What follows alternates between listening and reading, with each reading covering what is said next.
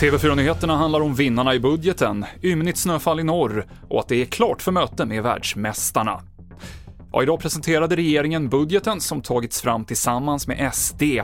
Nyheterna har redan portionerats ut vid olika pressträffar en del som väckt reaktioner idag är den som rör klimatet, säger vår kommentator Ann Tiberg. Regeringen slår ju själv fast i klimatbudgeten att eh, den här politiken kommer att leda till ökade utsläpp och att man kommer att, inte kommer att kunna nå de flesta av de klimatmål som Sverige har slagit fast.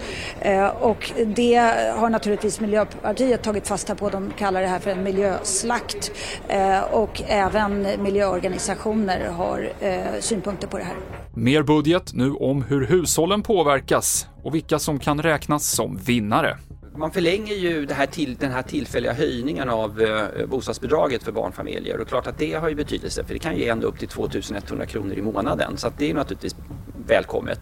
Man sänker skatten då med en profil mot låg och medelinkomsttagare vilket naturligtvis är bra för de som har en pressad ekonomi. Mm. Räcker det för att hjälpa dem?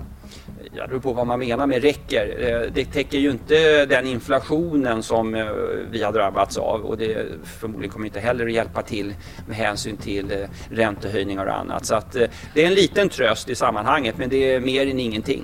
Arturo Arkes, privatekonom på Swedbank. En ovanligt tidig snösmocka ställer till problem längst i norr. Det har kommit mellan 20 och 30 centimeter snö enligt TV4s meteorolog. Och snön som började falla igår har inte smält undan. Många gator är oplogade. Lokaltrafik har tillfälligt ställts in och detsamma gäller skolskjutsar, uppger Kiruna kommun på sin hemsida. Till sist fotboll, för världsmästarna Spanien avbryter sin landslagsbojkott och det kommer därmed bli match mot Sverige på Gamla Ullevi nu på fredag. Det står klart efter ett långt möte under natten där representanter från den spanska regeringen deltog.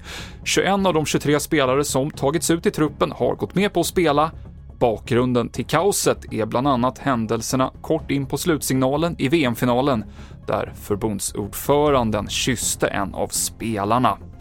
TV4-nyheterna med Mikael Klintevall.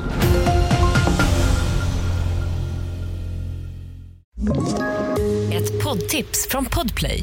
I fallen jag aldrig glömmer djupdyker Hasse Aro i arbetet bakom några av Sveriges mest uppseendeväckande brottsutredningar går vi in med hemlig telefonavlyssning och, och då upplever vi att vi får en total förändring av hans beteende. Vad är det som händer nu? Vem är det som läcker? Och så säger han att jag är kriminell, jag har varit kriminell i hela mitt liv men att mörda ett barn, där går min gräns. Nya säsongen av Fallen jag aldrig glömmer på Podplay.